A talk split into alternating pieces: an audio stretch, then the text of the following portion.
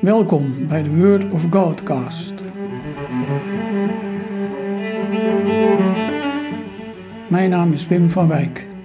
In deze podcast hoor je elke aflevering een meditatie over een Bijbeltekst, afsluitend met een kort gebed.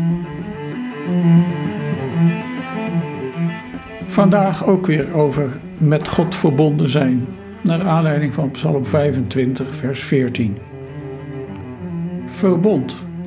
Dat woord was kenmerkend voor gereformeerde gelovigen. Dat gaf kleur en diepgang in hun geloofsleven. Tientallen jaren was dat woord een van de basiswoorden.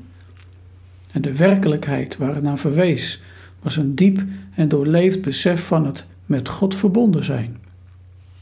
Ergens op een gegeven moment ging dat woord slijten en werd het tegen de bedoeling ervan in een woord dat verwees naar een buitenkant geloof.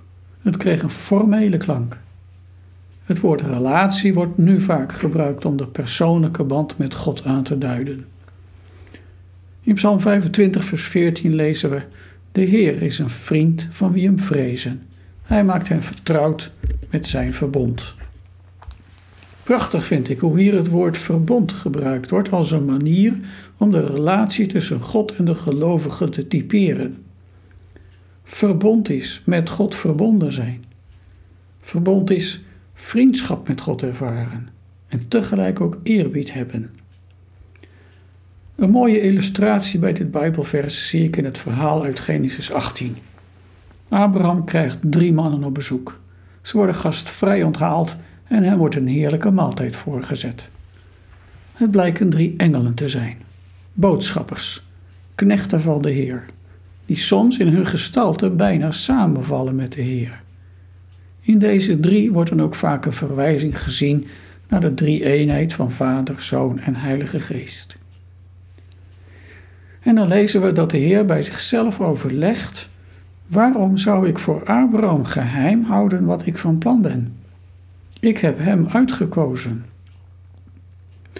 En Abraham reageert van zijn kant daarop als iemand die zijn plek weet. Abraham ging dichter bij de Heer staan en gaat dan pleit voeren voor de steden Sodom en Gomorra. Enerzijds vrijmoedig, wilt hij dan behalve de schuldigen ook de onschuldigen het leven benemen?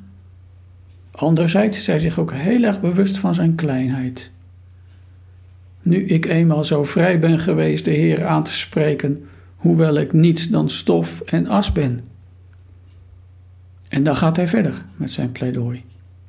Abraham voelt goed aan wat kan en wat niet kan, wat hij kan vragen en hoe ver hij kan gaan. Die twee dingen kleuren ook Psalm 25.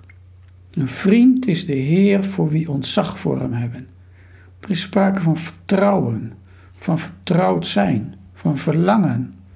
Zoals vrienden elkaar vertrouwen, elkaar kunnen aanspreken en elkaar kunnen bevragen. En dat tegelijk met respect voor ieders grenzen. Want er moet ook sprake zijn van respect en eerbied. Je moet tegenover God je plaats kennen, omdat je niets dan stof bent. Daarom bidt de gelovige: Heer, ken mij in mijn nood. Zie niet naar de zonde en de schuld die in mij is. En dan mag je ook een beroep doen op Gods naam. Want van zijn kant biedt hij ons zijn vriendschap aan. Liefdevolle goedheid, overvloedige trouw, die woorden typeren zijn houding naar ons. Dat typeert het woord verbond ook. Hij heeft een band met ons gelegd die niet stuk kan. Leven in het verbond. Vriendschap en vertrouwen zijn er niet vanzelf. Ook niet met Hem die jou zijn vriendschap biedt. Je mag en moet eraan werken.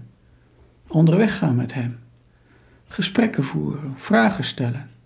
Zorgen voor momenten dat je elkaar ontmoet. Op die manier wil Hij ervoor zorgen dat je Hem leert kennen. Leven in het verbond met Hem verbonden zijn. Dat is leven in Zijn liefdevolle trouw. Mijn vraag aan jou is: wat betekenen de woorden verbond en relatie met God voor jou?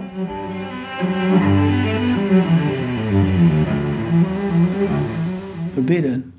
Heer, dank u dat u zich aan ons verbonden hebt. Voor u hebben we diepe eerbied, want wij zijn zwak en zondig. Maak ons ermee vertrouwd om met u ons leven te gaan. Amen.